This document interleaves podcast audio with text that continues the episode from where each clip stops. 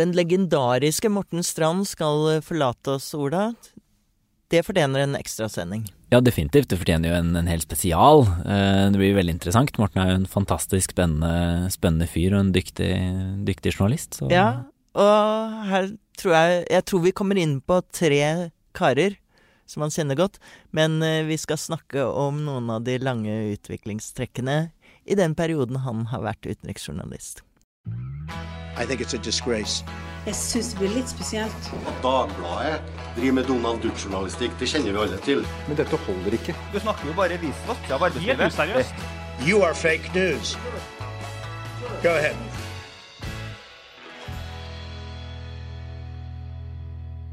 Der var en kar du har skrevet mye om de siste årene, Morten Strand. Faktisk handlet en av dine aller siste kommentarer om Trump, Putin og Kim Jong-un.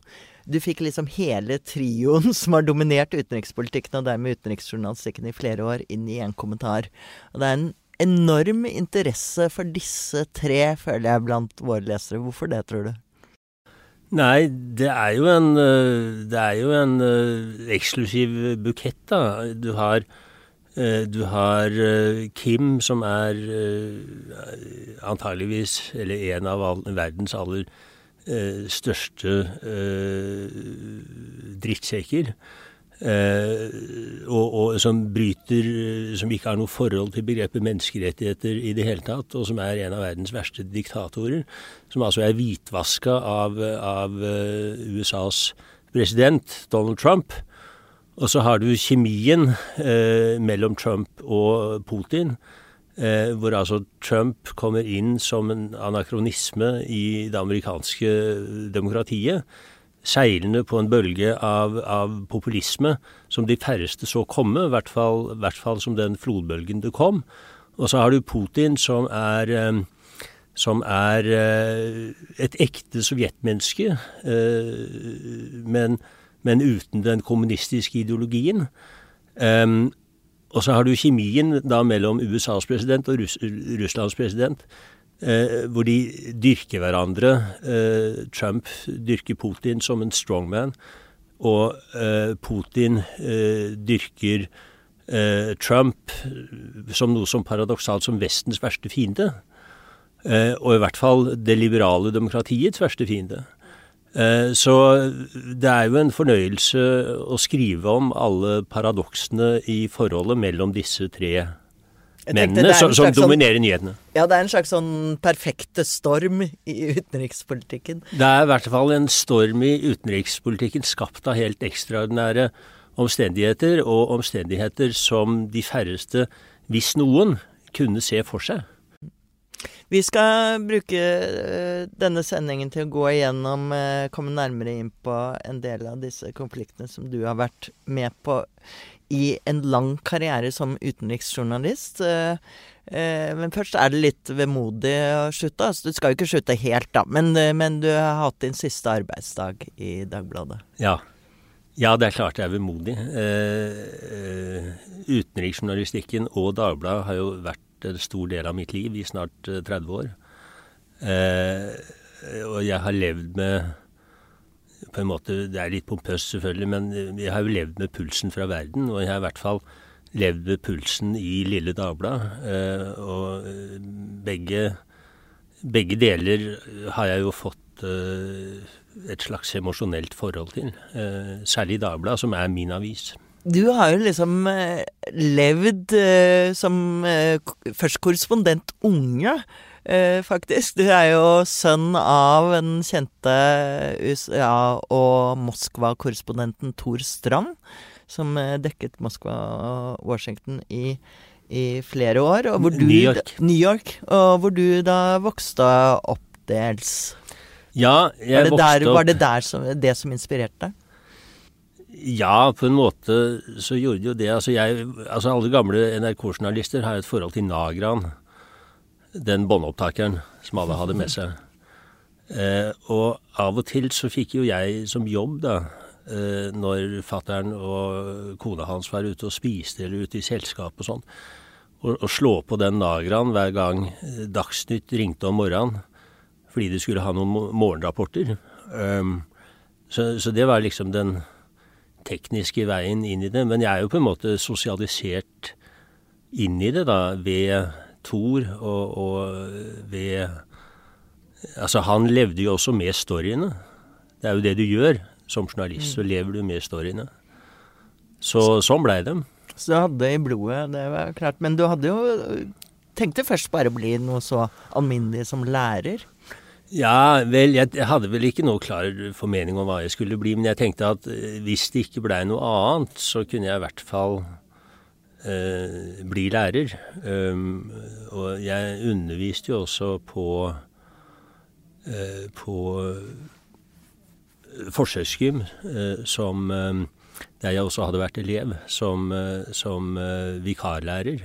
Mens jeg studerte, faktisk. Det går jo ikke an i våre dager, men den gang så gikk det an.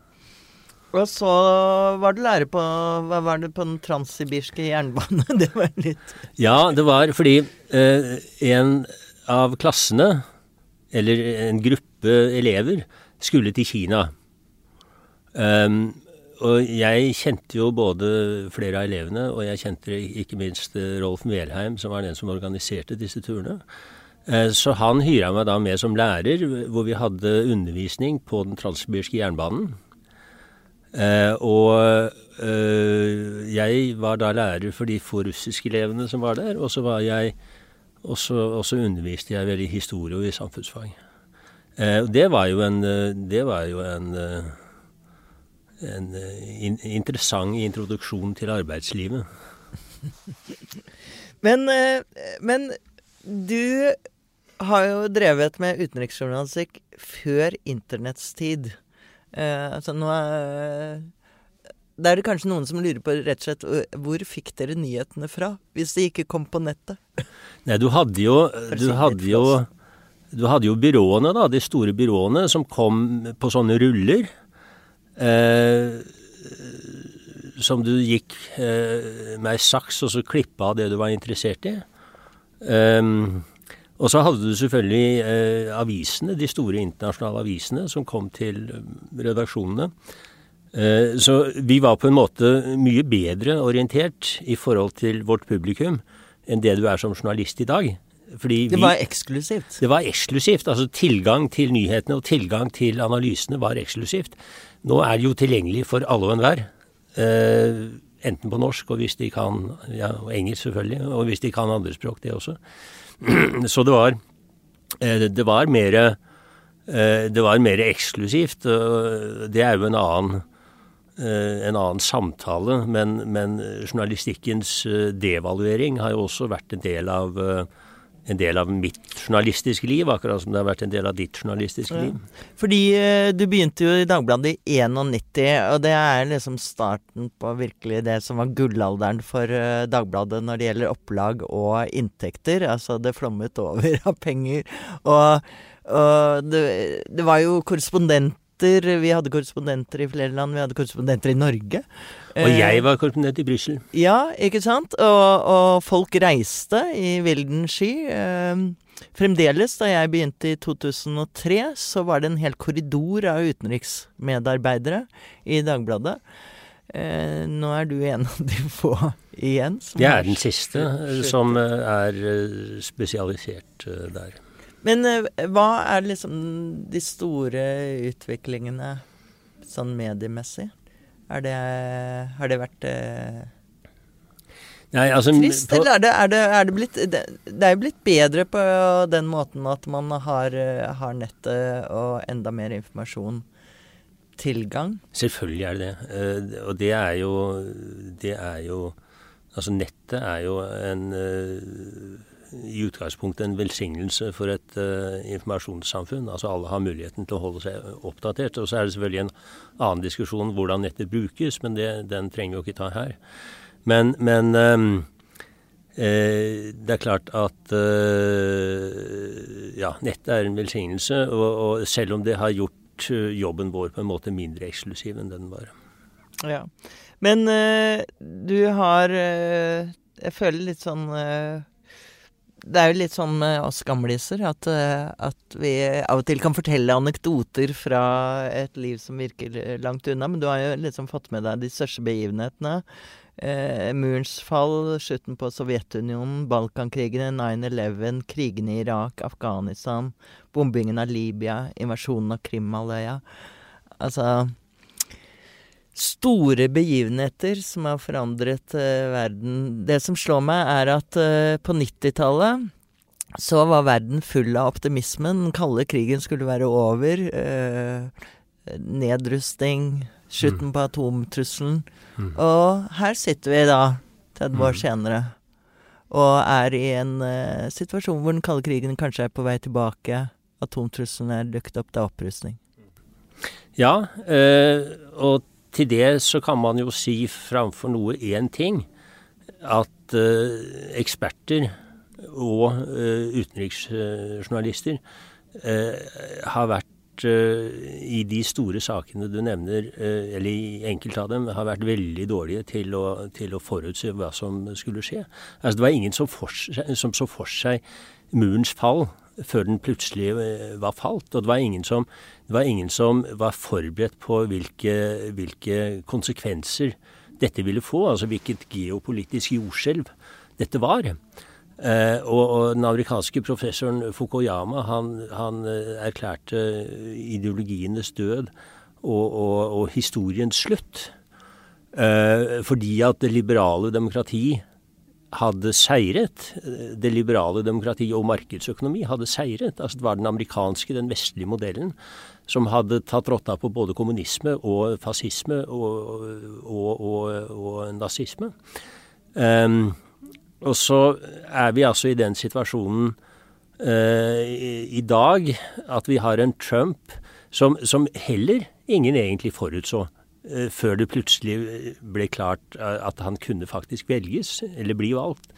Og, og, og så er vi altså i en situasjon i dag hvor, hvor den uh, ungarske statsministeren Viktor Orban han snakker om det ille, illiberale demokrati. Og med det så mener han en blanding av eh, altså et mildt diktatur, uh, men innenfor, innenfor de formelle rammene av et uh, demokrati, uh, på den måten at det avholdes valg, uh, men at pressen kontrolleres, at Eller ikke kontrolleres, men den styres på, på en subtil måte. Og det, sånn er det i disse halvdemokratiene, eller mangelfulle demokratiene, som er både i tillegg til Ungarn så er det Polen, som begge faktisk da er med i EU. Og så er det selvfølgelig Tyrkia, og så er det Russland. Og du ser denne høyrepopulismen som er økende i de gamle sovjetstatene. Er det, er det noe du tenker er farlig? Og ja, i, i, Det er vel ikke først og fremst i det gamle uh, Sovjetunionen, men denne høyrepopulismen er jo da i den gamle østblokken. Altså Ja. i, uh, Ja. i land som, som Polen, Ungarn og Romania i første omgang. Mm. Um, og den er, uh, den er farlig hvis ikke Den er farlig for EU hvis ikke de får en måte å, å og behandle eller ta seg av dette her på. Den mest åpenbare måten er jo å strupe igjen pengesekken, som de er i ferd med å gjøre. Fordi alle disse landene er jo Det er jo disse landene som framfor noen har fått penger fra, fra EUs forskjellige strukturfond og sånt noe. Og, og særlig Polen har jo fått masse Altså all infrastruktur i Polen er bygget av EU-penger, overføringer. Og veiene i Polen er jo helt på topp i, i EU, så det er, det er massevis av penger det er snakk om. Putin og Russland er jo eh, Det er i hvert fall Vesten blir beskyldt for at man er for strenge mot uh, Russland. EU og Norge også er, jo støtter veldig opp om denne strenge boikottlinjen. Er det er det en uh, riktig vei å gå, eller må man uh, ha en annen tilnærming nå, uh, fem år etter annekteringen av Krim? Det er jo et veldig vanskelig spørsmål. Altså, det er klart at, at Vesten måtte reagere på det folkerettsbruddet som, som annekteringen av Krim var, og som den støtten til, til krigføringen i Øst-Ukraina er. Um, og det eneste det eneste middelet man har hvis man ikke vil gå til krig, det er jo å, å, å bruke handelssanksjoner. Eh, og politisk utfrysning, sånn som de gjorde. Altså, Putin er ikke, eller Russland er ikke med, lenger med i, i G8, som er blitt G7 osv. Eh, og, og sanksjonene eh, eh, er eh, ganske tøffe. Men så reagerte jo da eh, Putin med på gammeltestamentlig vis med, å, å, med å, å, slå tilbake med enda sterkere sanksjoner mot EU. Eh, e og dermed inkludert Norge.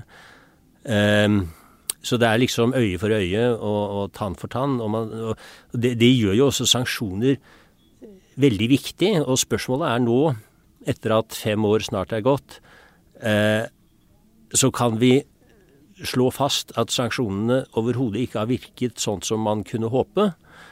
Um, og så er da spørsmålet uh, er det på tide eller, eller hvordan skal man uh, normalisere dette forholdet som det har gått så mye verk i? Um, og hvordan skal man gjøre det uten å klatre ned og legge seg flat? Um, det er jo den balansegangen som Erna Solberg hadde da hun da hun i mars eh, møtte Putin i St. Petersburg. Eh, åpenbart fordi regjeringen ville finne politiske kanaler eh, Eller ville, ville, gjenoppta politiske kanaler eh, for på en måte å komme rundt alle de uheldige sidene ved sanksjonspolitikken. Ikke sant. Eh, Trump og Putin, det er, eh, det er litt av et par. de er jo virker som de har litt sånn eh, Litt beundring av hverandre også. At de liker Fordi Donald Trump oppfører seg jo som en sånn klassisk litt sånn sterk mann. Eh, som man har sett i gamle Sovjet og nå i Russland. Mm. Hva slags forhold tror du at de har egentlig? Er det riktig vurdering? At de beundrer ja, hverandre litt? Det er jo tusenkronersspørsmålet i forhold til amerikansk innenrikspolitikk. Hvis du kan fortelle det til våre lyttere først. Eksklusivt. Ja. Um, nei, uh, altså Forholdet deres uh, er Altså Det er ikke noe tvil om hvem eh, Russland ville ha som amerikansk president. Altså De ville ha Donald Trump og ikke Hillary Clinton da Trump ble valgt i 2016.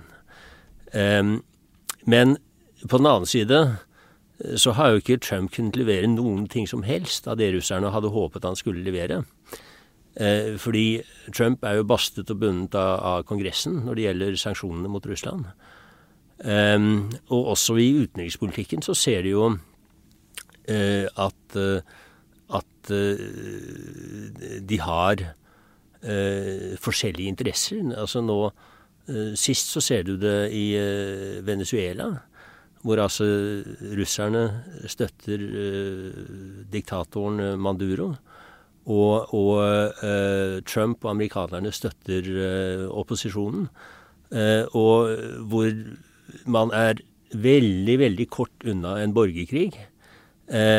hvor Russland er inne i Venezuela, altså et mellomamerikansk land, ikke veldig langt fra Florida. Ehm, med massevis av militære eh, rådgivere. Eh, som også da er der for, så vidt jeg forstår Dette høres kjent ut. Ja, det kan du si. Men eh, poenget er at det er, det er, paradoksalt, og det er farlig. fordi at Altså, det verste ordet for Putin, det er fargede revolusjoner og det er regimeendring. Og eh, med den empirien vi har, så er det vel grunn til å tro at han ser svart eh, når de ordene dukker opp. Eh, så Men dette betyr jo at uansett hva slags forhåpninger Trump og Putin har hatt til hverandre, så gjør liksom eh, tyngden i, eh, i Russlands og USAs, henholdsvis USAs eh, utenrikspolitikk, så gjør tyngden det sånn at de faller ned på hver sin side allikevel. ikke sant? Eh, det de, det de eh, måtte ha av tanker om å ha en spesiell kjemi, eh, det, det kommer til kort i forhold til tyngden av de to lands interesser. Ikke sant? Man, eh, men man skulle likevel ikke trodd at man fikk en amerikansk president som sa at Russ, eh, Russlands eh, statsoverhode har sagt at det var sånn, og det stoler jeg mer på enn Kongressen. Nei, det skulle man overhodet ikke trodd. Det skulle man ikke trodd. Men eh, Morten Strand, du er jo en av eh, en av den siste av en dying breed, holdt på å si, utenrikskorrespondenter, så jeg må nesten få ut eh, en hemmelighet til slutt. Disse vestene. Hvor, hvor er det dere kjøper uniformen deres? Er det en hemmelig butikk hvor dere kjøper disse vest, kakivestene med alle lommene på? Ja, um, Nei, det er ikke det. Den, den jeg har Jeg har slitt ut mange, men den jeg har, den kjøpte jeg i Paris. Og da måtte jeg tråle rundt uh, i eh, sentrum av Paris uh, i flere dager for å, for å unngå å kjøpe noe som så ut som en fiskevest. Fordi det er nemlig det er nemlig en eh, Det er vesensforskjell på en fiskevest og en, og en eh, korrespondentvest. Korrespondentvesten skal ha en, en, en viss intellektuell eh, troverdighet. Eh, mens eh, fiskevesten, eh, den kan du få gratis av meg. Men det er riktig at dere alle har det på dere når dere er ute i felten? Det er riktig når vi er ute i krigen og felten, så er det Men den er jo veldig praktisk, da. Ja. Der har du plass til eh, sikker plass til penger, fordi i krigen så må du fortsatt ha cash, og mye cash. Der har du plass til uh, film i gamle dager, men, uh, men uh, sånne kort som, som filmen er på. Der har du plass til notatblokka, der har du plass til telefonen. Der har Og så du plass til ser det jo utrolig kult ut. Og så er den ikke så varm. Det er viktigere. Men, eh, men eh, eh, det er klart at når, når de tre siste av oss her i Dagbladet, Jan Erik Smilden, Einar øh, Hagvåg og jeg, går sammen i kakevest, så, så, så øh, er det jo mange som ler av det, selvfølgelig. Det er et vakkert syn. Eh, Morten, jeg kommer i hvert fall til å savne at jeg ser deg liggende på en sofa i redaksjonslokalet mens du leser eh, og studerer og skaffer deg informasjon. Men jeg mistenker at du av og til duppet litt også. Er det Ja, Nei. nei, ikke de jeg kan huske. På den annen side så husker man jo ikke alltid sine dupp.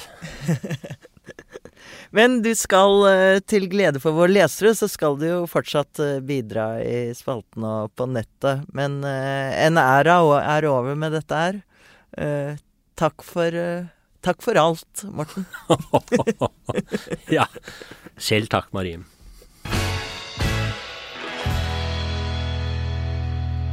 En slik historisk avgang fortjener jo en epilog i Kulturavisas ånd. Og vi har eh, vår husdikter, selveste Tom Stalsberg, til å gjøre det. Take it away. Tusen takk. Her kommer en liten historie som heter Krim for eldre, eller en historie om Morten Stramp på nødrim, om du vil. Den går som følger.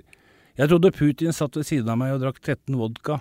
Jeg leste Idioten og tok den siste sigaretten, ut av munnen og ventet på knakk om fenomener og eksistenser. Så reiste han seg og pekte mot øst, det var en jævlig fattig trøst. Gikk. Noen på den nedlagte desken ropte, det er Strand! Han med den siste reportervesten. Morten, Liv i Dagbladet, har vært den reneste festen, nesten. Kringsatt av gode redaktører etter deadline, og stemmen fra gulvet stabel i heisen, Arvid Bryne og Dagny Juel, og Lullen og H.C. Hansen. Han som vel aldri skålte i skjul. Derfor, Morten, et siste telegram. Våre spede forsøk på å redde verden fra Akers gate 49 til klodens største penis på pluss, i vår moské, der vi nå alle messer aller akba. Der ledelsen egentlig ønsker seg halvt menneske og halvt algoritmer. Mangler du ord, spis bokstavkjeks. Sikk gloria, slik fikk jeg nye skamlepper, papiravis mundig. Vaya Kondias og dios til Morten som snakker norsk i søvne, russisk til kona og kvensk i fylla. Og så det fotografen, da, i Dagbladet. Alle er med i Jurassic Park. I den, kan si Vedlåg, Langsem og Lillegård. Men vi begynte jo i Dagbladet. Nettopp nå var det ikke i går. Morten Strand, som vet forskjellen på en potent ingress og en liten gressbrann. Som mener det burde være båndtvang på labrador. Som skåler, skåler med Einar Hagvåg, eventuelt i Ecuador, som taler i tunge med David Crosby Smilden, du vet mannen som i hele livet har nettopp mange jern i ilden. PS. Jeg trodde Lenin, Lenin satt ved siden av meg på ryktebørsen og skålte i dogmer og frykt. Jeg glattet på håret og fikk en restaurantbong av Frode Christiansen. Så reiste han seg, satte en skyggeløyd på hodet, gikk. Noen på den nedlagte desken ropte, det er Morten Strand. Det er Morten Strand, han med den aller siste, fineste reportervesten. Takk, forresten.